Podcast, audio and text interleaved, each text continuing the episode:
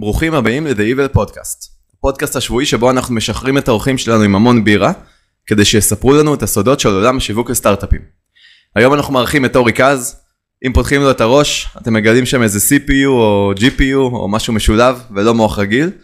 היום כשכל product אפשרי כמעט בכל סטארט-אפ אה, נבנה עם AI או מתהדר שהוא משתמש ב-AI, אנחנו ננסה להסביר מה זה אומר ונדבר בעיקר על ה data science ו-AI בסטארט-אפים אה, ואיך מתחילים בתחום כשרוצים להכניס AI ו- ו- ואיך זה בתכלס עובד. אורי הוא דירקטור of AI במרכז הפיתוח של אנטם. אנטם היא חברת, אה, בעצם חברת ביטוח בריאות מהגדולות בארצות הברית, עם אה, מעל 70 מיליון מבוטחים, שנעזרת במרכז הפיתוח הישראלי, כדי למקסם את התועלת משימוש בדאטה בעזרת AI. אז אורי, ברוכים הבאים, אה, כיף להיות פה. איזה כיף שאתה פה. כן. אה, זה ממש תענוג. אה, תספר לנו קצת על אנטם, כי החברה לא מאוד מוכרת בארץ, כן, והיא אז, עושה המון אה, דברים. נכון. בעצם אנטם היא, כמו שאמרת, אפשר לחשוב על זה כעל כללית או מכבי של ארצות הברית, רק שבארצות הברית הכל יותר גדול ויותר מסובך, וזה הופך את זה להרבה יותר מעניין. אה, אפשר לחשוב על, אה, לא יודע, אגף באנטם זה משהו שמקביל לקופת חולים כללית או מכבי של ישראל, מבחינת כמה עובדים. זאת אומרת, כל ה... מבחינת כמה עובדים יש שם, במה הם מתעסקים. אה, כלומר, זה, לנו כישראלים מאוד מאוד קשה לתפוס אה, את הגדלים האלה. מי שלא עבד עם ארצות הברית, לוקח לו זמן אה, לעכל. אה, אבל בעצם יש המון המון דאטה. אה, 70-80 מיליון אה, איש, בעצם היסטוריה רפואית, המון המון דברים שאם מנצלים אותם נכון, אפשר אה, לעשות דברים ממש ממש מגניבים, ופה אנחנו נכנסים לתמונה אה, עם AI, עם אה, Data Science, מרכז R&D פה בארץ שנפתח, וזה מאוד מעניין. אוקיי, מגניב, ומה אתה עושה בחברה? אז אני, אני בעצם דירקטור of AI, זה אומר שאני לוקח את הדאטה הזה, אני מנסה לפתח כל מיני אלגוריתמים, שאני אומר, אני זה אנחנו, יש לנו כבר עובדים וצוותים של אנשים מאוד מוכשרים שאנחנו אה, מצאנו כאן בארץ, אה, and growing, ואנחנו בעצם מנסים לחזות אה, מחלות, למצוא דברים מתוך הדאטה הרפואי של אנשים. אוקיי, מגניב מאוד. אגב, זה משהו שחברות אה, כמו קופות החולים בארץ גם עושות? או שעוד לא? כן, האמת שכן. זה יפתיע אנשים, אבל, אבל באמת גם אה, קופות החולים פה, יש המון מידע. אה, יש חברות וסטארט-אפים. אה, אפילו יש חברה מעולמות של algo trading, שבכלל אה, ניסתה לחזות דברים בבורסה ועשתה את זה מאוד יפה, ובאה ולקחה את היכולות האלה והכניסה אותם לעולם הרפואה. ועובדים עם מכבי לחזות אה, סרטן או כל מיני מחלות אחרות, אז אה, גם פה זה קורה. אוקיי, מגניב. וממש, בוא נפשט את זה למי שלא ממש מהתחום. אה, מה זה AI? איך אתה מגדיר AI? אז אה, AI זה קודם כל artificial intelligence, אה, זה בעצם אה, מה שנקרא בינה מלאכותית, יש המון באז סביב הדבר הזה, buzzwords, data science, machine learning, AI, big data, כל מיני דברים שנשמעים מאוד מפוצץ. ואפשר כאן קצת לדבר על אולי לעשות לזה demystifying של כל המונחים האלה. אפשר להגיע לזה, אבל בגדול AI זה בעצם בינה מלאכותית, איך מחשב יכול לפתח איזושהי אינטליגנציה, ששוב, אין היום מחשב שהוא יותר חכם מזבוב.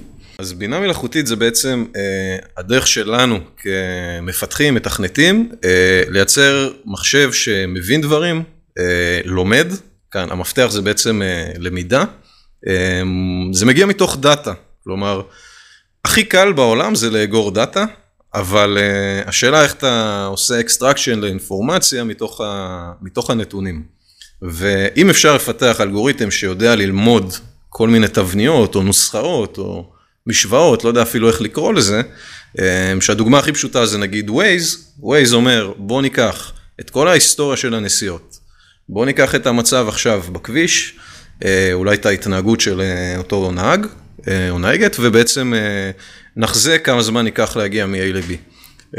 אז זה בעצם אלגוריתם שלמד מתוך הנתונים והוא יודע לחזות דברים, להסיק מסקנות וכדומה. אוקיי, okay, מעניין מאוד. ובוא נעמוד רגע להבדל בין Data Science ל-AI, ל-Machine Learning, ל-Deep Learning. כי אנשים משתמשים בזה בצורה הרבה פעמים חופפת, וכל סטארט-אפ שרוצה להעלות את הוואליואציה מוסיף את אחד מהם איפשהו, ופתאום הוא מגייס עם אה, כן, עוד כן. אפס או עוד חצי או whatever. נכון, אז נכון. בוא נבין רגע את ההבדל בין הדברים האלה. אז, אז קודם כל באמת הייתה תקופה שמה שנקרא באמת היה אפשר להוסיף אפס אם רק אה, מוסיפים לשם את ה buzzword הנכון. אה, אני חושב שהיום יש קצת יותר הבנה, אה, גם מצד ה investors, גם מצד אה, אנשים באופן כללי, מפתחים, אה, על בעצם מה ההבדלים בין כל המונחים האלה, אבל בגדול, בגדול, בגדול, data science זה איזשהו שם כללי. אמ, שהוא יכול להכיל בתוכו את אה, Machine Learning, אמ, את AI, אה, אפילו את Data, אמ, וקשה קשה בדיוק לדעת מה זה Data Science, אבל זה בעצם כל דבר שאנחנו אה, עושים נתונים בצורה אלגוריתמית. אבל היום גם דברים רכים, נגיד כמו, לא יודע, עשינו איזשהו ניתוח סטטיסטי, איזה גרף, שזה בעצם תכלס אולי Data Analysis, זה גם יכול להיכלל תחת Data Science. אוקיי. Machine Learning, למידת מכונה, זה בעצם כל דבר שלמד משהו. כלומר, אם יש לנו אלגוריתם שלומד, לקח, כמו בדוגמה שנתתי על Waze, לקח נתונים, למד, והוא יודע לעשות משהו, פרדיקציה, להסיק מסקנות, mm-hmm. זה Machine Learning. AI בגדול, אם אתם שואלים אנשים מהתחום, זה נועד עבור הדברים הבאמת כבדים ומורכבים. נגיד רכב של טסלה, שיודע לנסוע אוטונומית, זה AI, כי זה באמת אלגוריתם מאוד מאוד רציני, שמנסה לעשות דברים מאוד מאוד גדולים. לאבד הרבה מידע, ללמוד כן, מה קורה, כן. לנתח תמונות ממכון, ממצלמה. ו... בדיוק, עכשיו יכולתם להגיד לי, אבל, אבל זה Machine Learning, זה לומד, גם הרכב למד, אבל כאילו, הדברים המאוד מפוצצים היום, אפשר לקרוא להם AI. אמ, ככל שזה יותר מורכב, אפשר להכיל את זה תחת AI, זה באמת נועד אה, לדברים המורכבים, למרות שהשימושים שאנחנו רואים, יכול להיות שסטארט-אפ שעושה פרסונליזציה, בצורה יחסית פשוטה, אומר שהוא עושה AI, ו... ושוב, אני, אני נותן לכם את ההגדרות של ה, מה שנקרא של ה, אה, מי שמהנישה, כן. מי שמגיע משם. אה, שכחנו עוד אה, משהו? ביג דאטה. אה, Deep Learning. Deep גם. Learning, אוקיי. אז Deep Learning זה בעצם אה, אוסף של אלגוריתמים אה, מעולמות שנקראים אה, Neural Networks, רשתות נוירונים, אה, שזה בעצם איזושהי ארכיטקטורה של מודלים שהיא דומה לאיך שהמוח שלנו עובד. במוח שלנו יש אה, נוירונים שמחוברים אחד לשני, מעבירים מידע, אה, שומרים מה שחשוב, אה, משקללים את מה שחשוב אולי אחרת לעומת מה שפחות חשוב. אה, וככה מתבצעת למידה אצלנו במוח. לגמרי. אז זה בעצם אה, אוסף של אלגוריתמים שהוא אה, עובד בצורה הזאת. אה, מה שכן, מי שבאמת מכיר איך זה עובד, דווקא מבין שזה משהו שהוא בקונספט הבסיסי הוא לא כזה מתוחכם. הוא, הוא עובד המון על כוח חישוב, כלומר, בוא ניקח איזושהי אה, ארכיטקטורה כזאת, ניקח איזושהי משוואה יחסית פשוטה, נכניס אליה אה, אינפורמציה ללמידה, ונתחיל לעשות את זה המון המון פעמים, אה, עד שאנחנו נגיע לאיזושהי תוצאה שהיא אופטימלית או שלמדנו משהו, אבל זה עובד המון על ברוט פורס. כלומר, אם אתם מסתכלים על המתמטיקה של Neural Networks ו-Deep Learning, אתם דווקא לא רואים שם איזה משהו מפוצץ אה, על פני השטח. לגמרי, לגמרי. אה, אז זה, זה בגדול. אגב, יש איזשהו קטע שככה מההתכוננות לפרק, הבנתי שעם העלייה ביכולות מחשוב של אה, מעבדים, אגב, ברמ...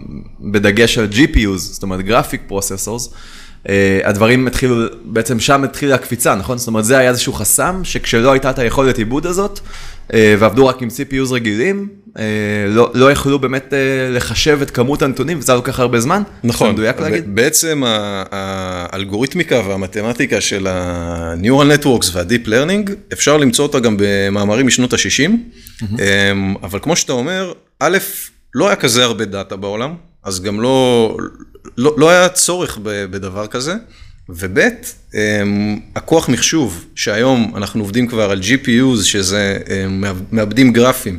גיימרים מכירים את זה טוב, כל גיימר צריך איזשהו אה, כרטיס, אה, כרטיס מסך שבעצם אה, עושה את כל העיבוד הגרפי. סוג של אה, משהו כמו CPU, שזה המעבד שלנו רק על אה, סטרואידים. אמ, ובעצם גילו שאפשר לנצל את המעבדים האלה, לעשות את כל העיבודים של הרשתות נוירונים וה deep learning, אמ, וככה בעצם אה, להגיע לתוצאות מאוד מעניינות. עוד דבר שחשוב אה, להכיר, בעצם האלגוריתמים של ה deep learning, הם, הם עובדים הכי טוב בסוג מסוים של אה, דאטה. מה זה אומר? בעיקר במקומות שלנו כבני אדם היה קשה ליצור מה שנקרא פיצ'רים. נגיד, אם אני עכשיו, אה, יש לי אה, סטארט-אפ שעובד על אה, נתונים של כרטיסי אשראי.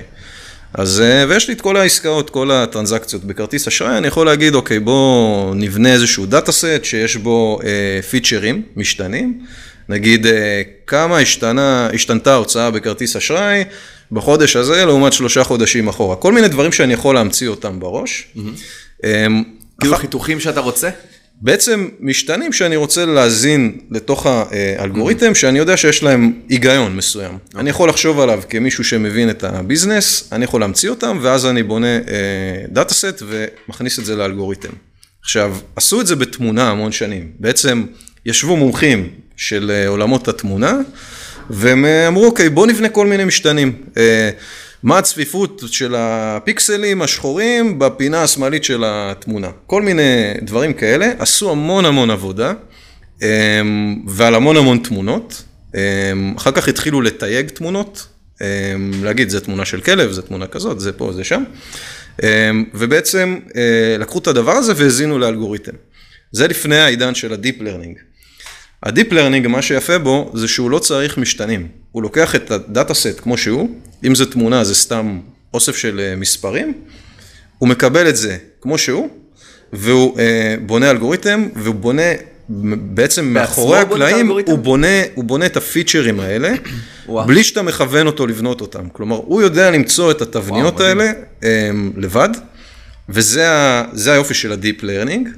אמ, לכן זה טוב גם בדאטה שהוא images, גם בדאטה שהוא וידאו, סאונד, כל מה שהוא בעצם unstructured, דאטה שהוא לא טבלאי. אמ, לעומת זאת, אם יש לנו, אה, אספנו עכשיו נתונים על, אה, לא יודע, כמה לקוחות נכנסו לנו לאתר, כמה יוזרים עושים ככה וככה, זה דאטה טבלאי שהוא structured, דאטה מובנה, ודווקא פה Deep Learning לא בהכרח יהיה טוב. הבנתי, ואם Deep Learning מביא לך הרבה סנריוס כאלה, או איך קראת לזה? פיצ'רים. פיצ'רים, אז כן. הוא יכול לתת לך גם אה, עשרת אלפים ואתה צריך לבחור מהם, איך אתה בתור בן אדם מבין למה המחשב התכוון כשהוא הכיל על זה את ה-Deep Learning. אז אתה נוגע פה בנקודה, אחת הכי חשובות היום במחקר של ה-AI Data Science, זה בעצם איך מסבירים מודל.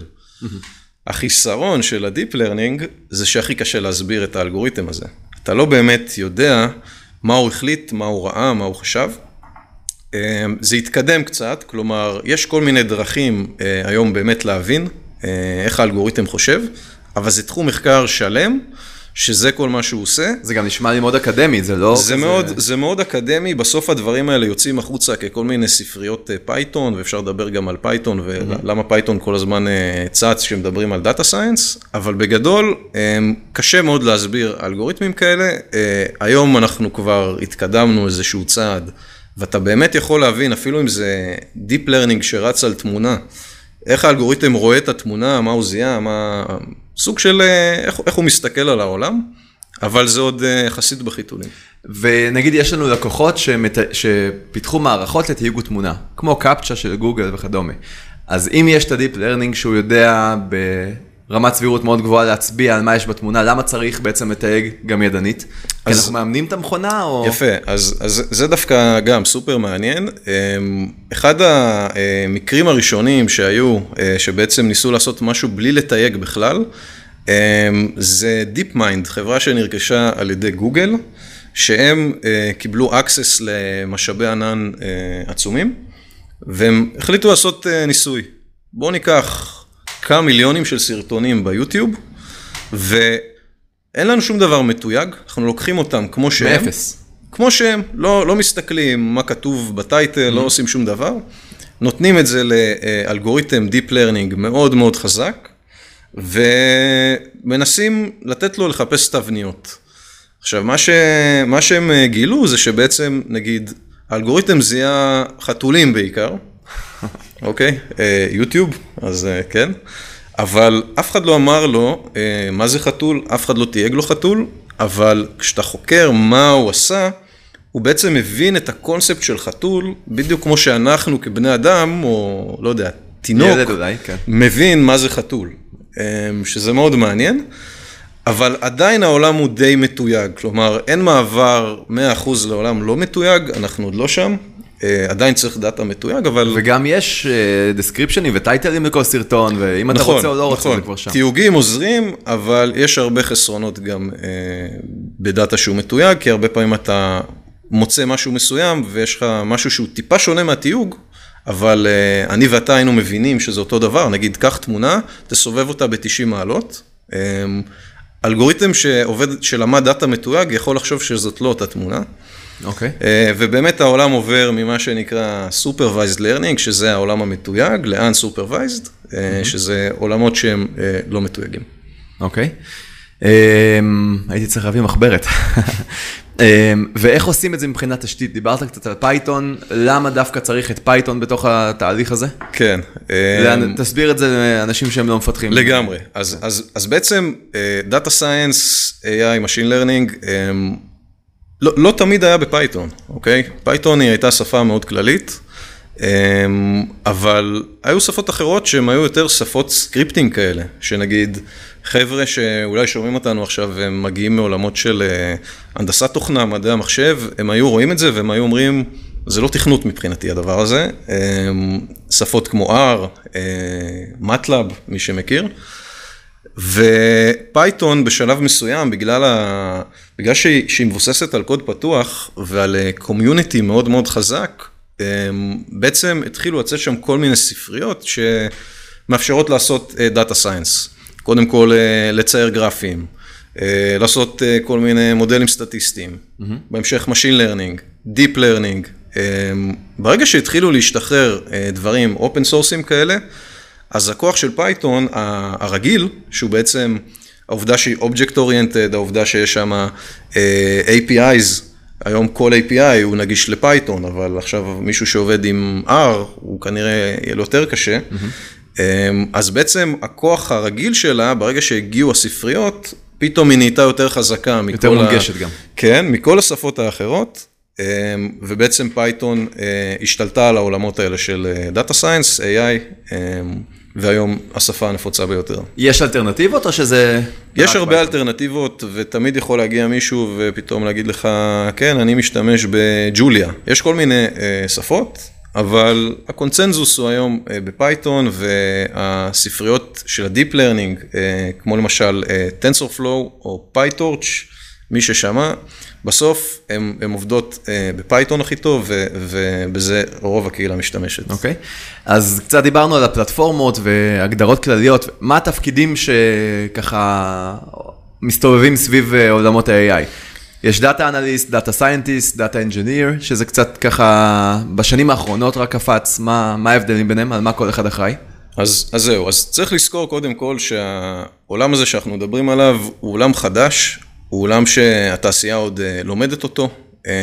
לפני 20 שנה לא היה data scientist, לפחות איך שהוא מוגדר היום, mm-hmm.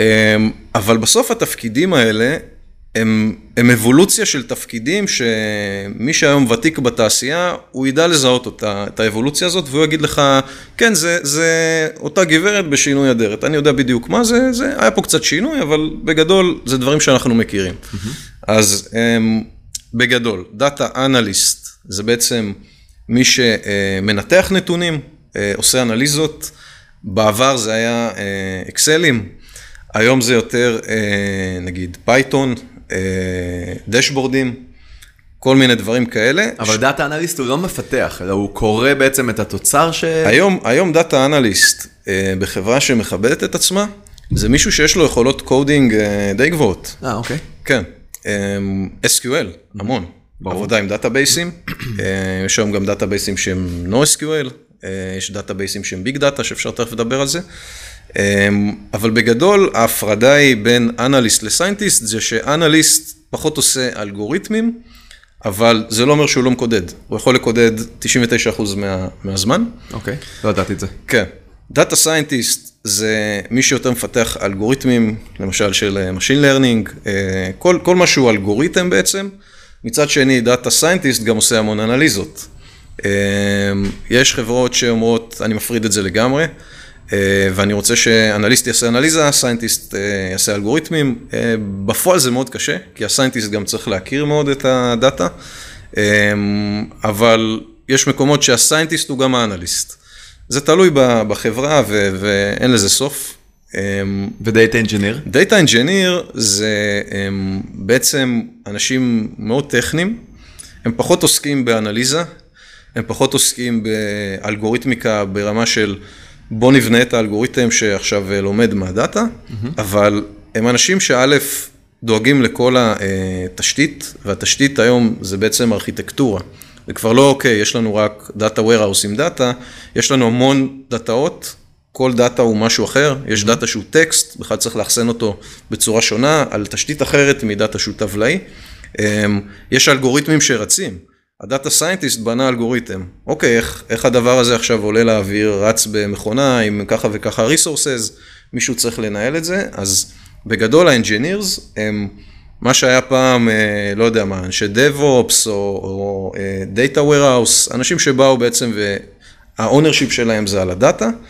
היום הם פשוט עובדים עם כלים אה, אחרים, הם עובדים על תשתיות יותר חזקות, אה, מכונות, אה, למשל להריץ אה, AI, צריך GPUs, צריך אה, להביא דאטאות מהמון מקורות, אה, וזה היום תפקיד מאוד חם, ומי שיודע לעשות אותו טוב, אז... אה, באמת יש, יש ביקוש אינסופי לדבר הוא כאילו האנבלר של התשתית לטובת אה, מערך AI? נכון, של התשתית ושל הנתונים גם שיושבים כן, בתשתית, ברור. שצריכים להגיע, כל, אפילו אולי בריל טיים. ותגיד איך נראה צוות כזה שבא להטמיע אה, AI בארגון? ועוד שאלה בתוך זה, אה, אם ארגון רוצה להטמיע AI, הוא צריך... הוא חייב צוות כזה בפנים, או שהוא יכול להביא את זה כ, כאילו כסרוויס? כן, אז, אז התחום, התחום בעצם הולך לשני כיוונים. אה, מצד אחד, באמת, ככל שהחברה יותר גדולה, כנראה שאנחנו נראה יחידות data science בתוך הארגון. אבל בסטארט-אפים נגיד שגייסו מיליונים בודדים? אז בסטארט-אפים שגייסו מיליונים בודדים, מצד אחד אפשר להגיד, אוקיי, בוא ניקח איזה service מאיזושהי חברה שמוכרת לנו data science as a service. שזה גם מונח אגב. וואלה. כן. אמ, ו- ונשלם להם X, ועכשיו נקבל את אגב, כל שירותי... אגב, זה service אמיתי, נכון? זה לא service כמו software as a service, אלא זה service של אנשים נותנים service. אז זה יכול, להיות, זה נכון. יכול להיות גם uh, פתרון שהוא scalable־י uh, ברמת תוכנה שעושה data science, שיודעת mm-hmm. לקבל את הנתונים, והיא יודעת, אפילו עם איזשהו UI גרפי, uh, לאפשר... להציג לך אותם. לאפשר גם לאנשים שהם לא, לא אנשי data science, uh, להריץ מודלים. אוקיי. Okay. זה גם, יש הרבה מאוד חברות בארץ uh, שעושות את זה. אמ, זה מאוד מעניין. אמ, איך שאני רואה את הדברים, אני חושב שבתור גם מי שהקים אה, סטארט-אפ והייתי גם במקומות האלה ופחות בארגונים גדולים, יש משהו אחד חשוב, אה, שזה להכיר את הדאטה. עכשיו, כשאתה צומח עם אה, סטארט-אפ, אתה רוצה כל הזמן לדעת מה יש לך בנתונים. הרעיונות הכי טובים כנראה יגיעו ממך, כי אתה uh, התחלת את זה מאפס, ואתה יודע הכי טוב לאן זה הולך, אתה חי את זה. Um, וצריך להיזהר אם אנחנו מכניסים לתוך הסטארט-אפ uh, כל מיני גורמים מבחוץ, שאנחנו גם לא מאבדים אחיזה על ה data שלנו ועל mm. מה אפשר לעשות איתו. אה, אז יש פה איזשהו trade. זאת אומרת, גם אם proprietary כאילו הוא שלך, אבל זה שמישהו אחר מתעסק איתו והוא לא חי את הסטארט-אפ, אתה תוכל להיכנס פחות עמוק. כן, אולי? אתה יכול להיות שאתה יכול לחשוב היום על איזשהו feature גאוני, שכשהם יבנו מודל, אז הוא יביא לך אה, חיזוי מדויק ב-90 ומישהו שלא מכיר את הסטארט-אפ כמוך לא יכול להמציא את ה feature הזה. אמ, וגם ב data science זה עובד ככה, mm-hmm. זה, זה פשוט עניין של תכיר את הנתונים ובוא תחפש איזה killer feature שאתה יכול לעשות עם ה data שלך שייתן לך כוח מאוד מאוד חזק.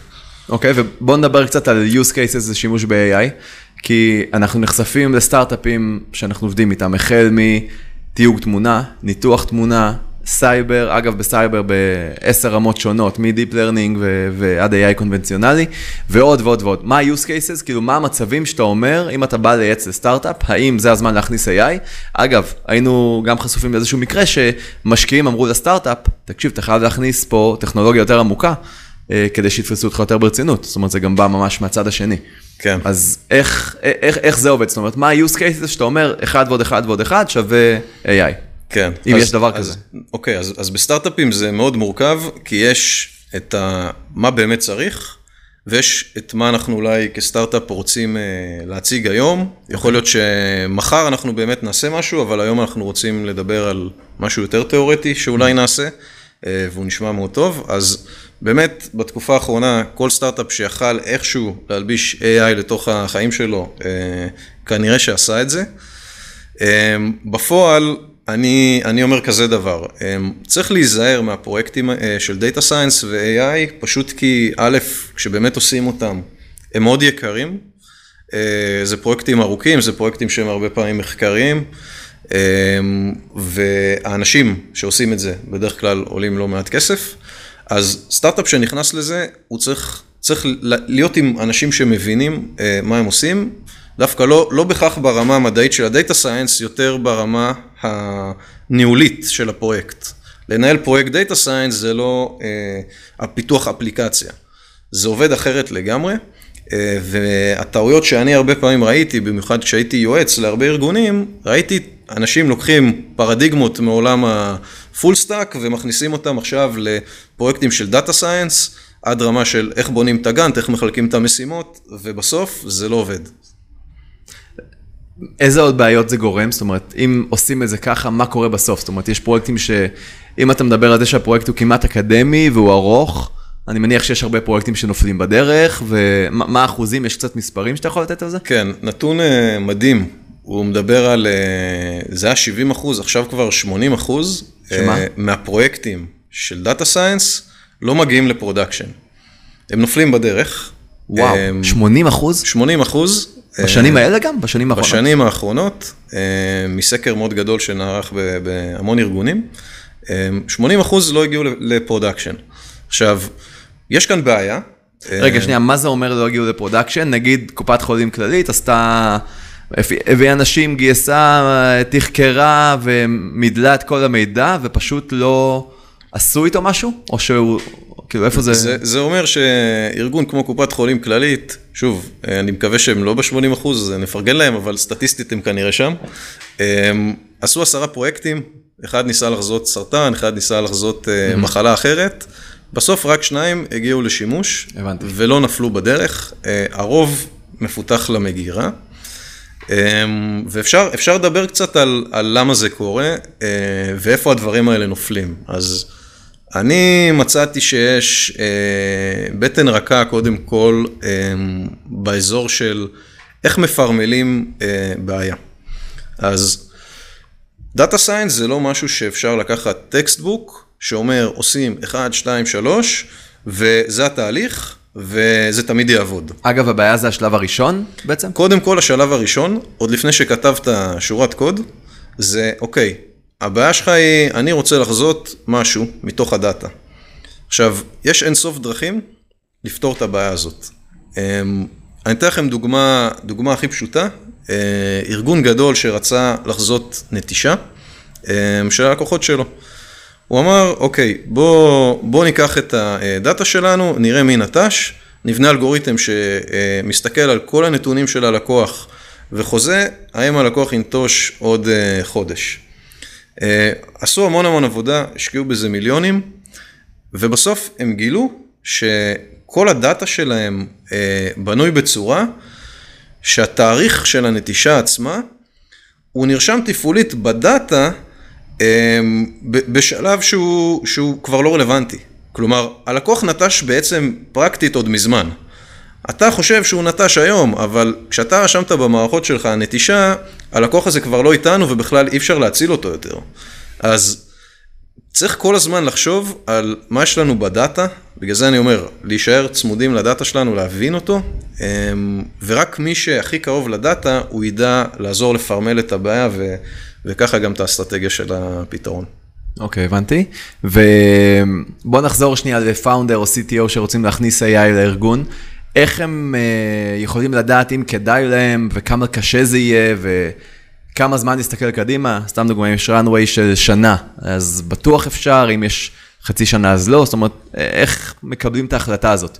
אז הדרך הכי מומלצת, קודם כל, אם כן קיבלנו את ההחלטה שאנחנו רוצים לנסות ולעשות משהו, ושוב, ארגון שאין לו דאטה, או סטארט-אפ, בדרך כלל סטארט-אפ שהיום התחיל, אין לו בכלל נתונים. בדיוק. אפשר לפעמים לקחת נתונים מחברות דומות ולנסות להוכיח קונספט. אה, אפשר הרבה פעמים לעשות אולי scraping או crawling. ו... או לעבוד עם data sets מוכנים, אבל זה כן. לא דאטה שלך. אבל זה, זה, זה בשביל להוכיח כן. כן. היתכנות, אה, וזה משהו שהרבה פעמים עושים. אה, אבל ברגע שיש דאטה, כעיקרון אפשר להחליט, אוקיי, יוצאים לדרך ומנסים לעשות אה, איזשהו משהו מתוחכם עם הדאטה שלנו. עכשיו, איך, איך, איך לא נופלים בפח? בעצם מה שאפשר לעשות זה לעבוד אג'ילי. מה זה אומר? אם עכשיו תיקחו data scientist, ושוב, data scientist זה חיה מסוג מסוים שצריך להבין אותה ולהכיר אותה, וזה טיפוסים מסוג מסוים בדרך כלל, ומי שניהל אותם עכשיו כנראה ושומע אותנו אומר, אוקיי, אני יודע בדיוק על מה אורי מדבר. אז מה שצריך להבין זה ש data scientist, הוא רוצה רק לחקור את הנתונים. הוא, זה מה שמדליק אותו, זה מה שמעניין אותו. הוא אוהב לעשות דברים כמה שיותר מסובכים. כמה שהם יותר uh, חדשניים uh, בקטע של תנו לי את האלגוריתמים הכי חדשים ואני רוצה לנסות אותם ואני רוצה פה ואני רוצה שם. בפועל, אם חוזרים שנייה לביזנס environment של הסטארט-אפ, יכול להיות שהסטארט-אפ יכול היום לתת בדיוק את מה שהוא רוצה, רק עם אלגוריתם הכי בסיסי, הכי פשוט. Um, ומה שאני ממליץ זה בעצם להתחיל אה, עם איזשהו MVP, משהו מצומצם, שאגב, זה בדיוק כמו שבונים מוצר היום. להתחיל הכי רזה שיש ולראות אם זה עונה על הצרכים. אתה לא עכשיו לוקח את האלגוריתם הכי מסובך בעולם. אתה לא מתחיל הכי מהר ולאט לאט מגביר. ממש לא. אתה מתחיל ממשהו בסיסי, ואתה, גם אלגוריתם מ-1930, שהוא פשוט יחסית, התבניות שהוא ימצא, הם, הם גם יהיו קיימות באלגוריתם Deep Learning הכי מתוחכם שיש. Mm-hmm. כלומר, הבשר יהיה שם, ואפשר לזהות את זה. אז מומלץ להתחיל מפשוט, לראות התכנות, לתחקר, אוקיי, מה מצאנו פה, כמה אנחנו מדויקים, ופחות להתפוצץ עם האלגוריתמים הכי מורכבים, כי כאן מתחילות הבעיות, וכאן יש הרבה השקעה, הרבה כסף, ויכול להיות שאיזושהי טעות בדרך, ש... כשיבינו אותה, כבר לא יהיה אפשר לחזור אחורה. וגם, אה, עוד פעם, אינטואיטיבית, ככל שאתה עושה משהו שאתה משקיע בו יותר זמן, יותר כסף, הסיכוי שהוא יצא בסוף לפועל יורד ככל שאתה עושה את זה יותר. אה, נכון. אה, מהבחינה הזאת. נכון. אוקיי, אז מעניין מאוד, זה, כאילו, אני מתחיל להבין איך, איך סטארט-אפ שרוצה להכניס AI לארגון בעצם חושב.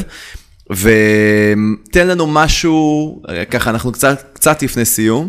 תן לנו איזושהי, איזשהו טיפ או משהו ש founder שחושב האם להכניס AI לארגון, יכול לעשות מחר בבוקר. זאת אומרת, משהו לא טכנולוגי שהוא יכול לחשוב עם עצמו, אולי כמה שלבים שהוא צריך לעבור עם עצמו, ועוד נגיעה בתוך זה, האם אני חייב דאטה בצורה מסוימת, או שגם דאטה טבלאי, נגיד ב-SQL, טבלה של כמה מאות עמודות, גם עוזר לי? זאת אומרת, אני יכול לעבוד עם כל טבלה שאני רוצה? כן, אז התשובה היא כן. קודם כל, פאונדר, מה שהוא צריך, או, או היא צריכה אה, לחשוב, זה בעצם איזה דאטה יש לי, mm-hmm. והאם יש משהו בתוך הנתונים האלה, שאם היה לי מכונה, או משהו שהוא לא אנושי, שיודע למצוא משם הכל, אבל, אבל, אבל זה שם, mm-hmm. אוקיי? זה, זה צריך להיות שם, אם זה לא מתועד, אין מה לעשות. אם היה לי את המכונה הזאת, האם הייתי יכול לעשות משהו שיביא לי אה, value עסקי? אם התשובה היא כן, אז כבר יש פה איזושהי התקדמות. עכשיו, טעות ענקית זה לבוא לאנשי ה data science, והם בדרך כלל יגידו... ולבקש uh, מהם שייתנו לך את ה... הם, הם יגידו, אנחנו יודעים לעשות הכל ופתרנו את הבעיות הכי מורכבות, ויכול להיות שהם באמת עשו את זה, אבל data scientist שמגיע לארגון, הוא לא יכיר את, ה, את הבעיות שיש לארגון הזה, uh, הוא לא יכיר את הדאטה טוב כמו אנשים שכבר uh, נמצאים שם. והמפתח בעיניי זה עבודה משותפת. כלומר, צריך להבין, הפאונדרים צריכים להבין שאם הם רוצים להצליח בפרויקט הזה, הם צריכים דווקא להיות מאוד מעורבים, ולא לחשוב שאם מגיע אליהם עכשיו איזה מדען טילים מסטנפורד, שהוא יצא ממעבדת ה-AI הכי חדשנית, הוא בהכרח יצליח לפתור את הבעיה שלהם, אה, והם יכולים ללכת לישון. זה לא, זה לא עובד ככה. יכול להיות שהוא בכלל לא מה שהם צריכים, כי הוא יכול להכניס אותם עכשיו להרפתקה של חודשים. כנראה שזה מה שיקרה, אה, וצריך כל הזמן, כשאנחנו פותרים בעיות עסקיות, ושוב, אנחנו כאן בשיח על אה, סטארט-אפים, אז צריך להיות עם אצבע על הדופק. באקדמיה זה משהו אחר, אנחנו חוקרים מה שאנחנו רוצים, מחפשים דברים כאלה ואחרים, אבל בסטארט-אפים זאת ההמלצה שלי. אוקיי. Okay. מעולה. אורי, תודה רבה שהצטרפת. בכיף. היה, היה מעולה. היה מצוין. אמ, אז עוד פעם תודה רבה. אנחנו היינו דייבל פודקאסט, הפודקאסט השבועי על שיווק וסטארט-אפים. אם אהבתם וקיבלתם ערך מהפרק, נשמח שתעשו לנו לייק בפייסבוק, תעשו פולו איפה שאתם מאזינים, וככה תוכלו גם ליהנות מהפרקים הבאים. אם אתם מכירים עוד מישהו שיכול ליהנות מהפרק, נשמח שתתייגו, תשתפו אה, ותפיצו הלאה. תודה רבה.